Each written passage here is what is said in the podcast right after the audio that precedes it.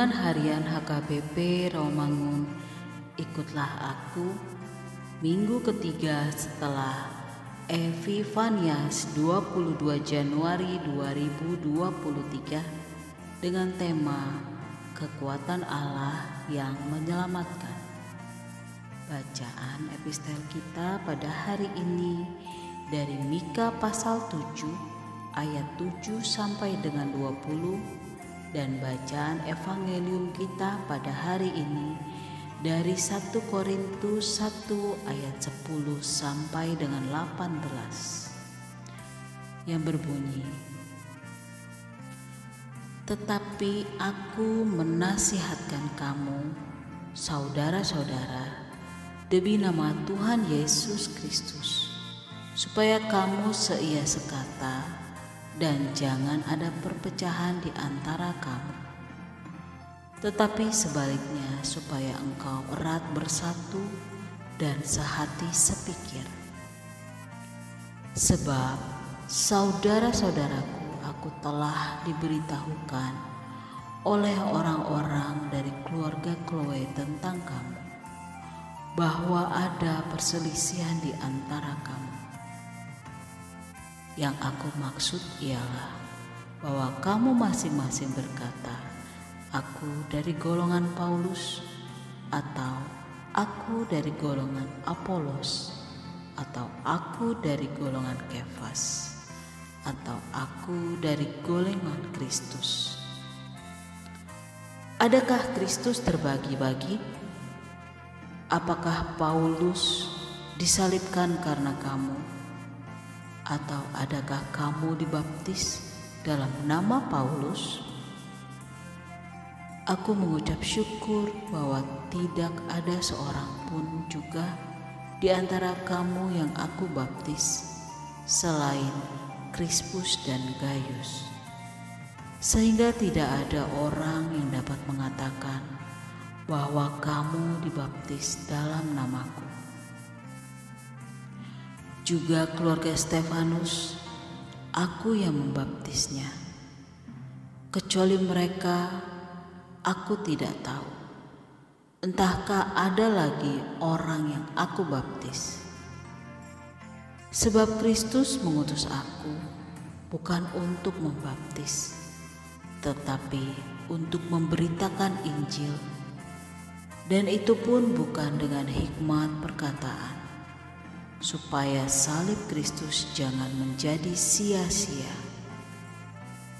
Sebab pemberitaan tentang salib memang adalah kebodohan bagi mereka yang akan binasa. Tetapi bagi kita yang diselamatkan, pemberitaan itu adalah kekuatan Allah. Demikian firman Tuhan. Sahabat, ikutlah aku yang dikasihi Tuhan Yesus.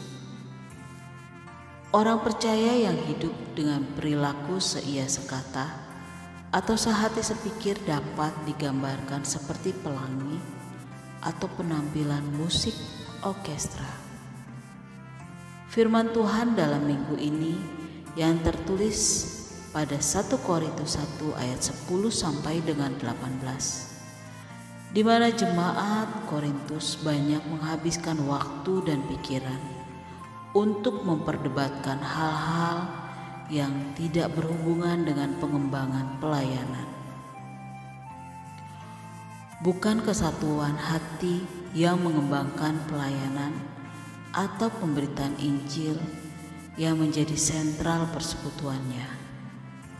Mereka malah asik membuat golongan masing-masing dan berdebat dan berselisih dengan membanggakan golongan masing-masing. Sehingga yang terjadi adalah perpecahan. Mereka pecah bukan karena kehadiran agama lain, namun mereka pecah karena ego mereka sendiri.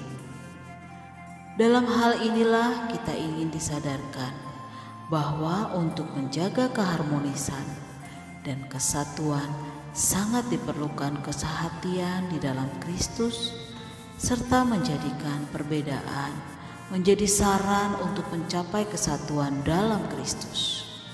Rasul Paulus menasihatkan jemaat Korintus serta setiap orang percaya agar sungguh-sungguh memberitakan Injil di dalam dunia ini.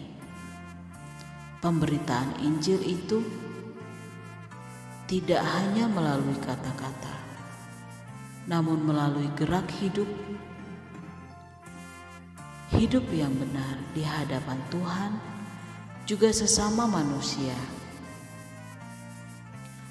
Kemampuan itu bukanlah karena diri kita, tapi hanyalah karena kuasa Tuhan. Kita juga tidak pantas untuk menyombongkan diri atas pelayanan yang telah kita lakukan.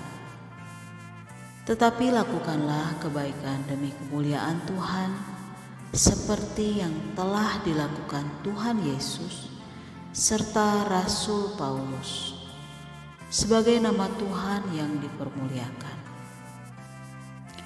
Dalam panggilan Tuhan, kita perlu merenungkan peran apa yang sudah kita lakukan. Kiranya hikmat Tuhanlah yang memampukan kita menjadi orang yang taat akan firman Tuhan dan yang menghidupinya. Amin. Marilah kita berdoa.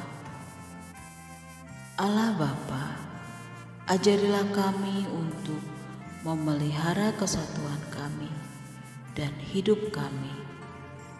Biarlah rohmu yang kudus menghimpun kami untuk mampu hidup saling menerima dan melengkapi untuk kemuliaan Tuhan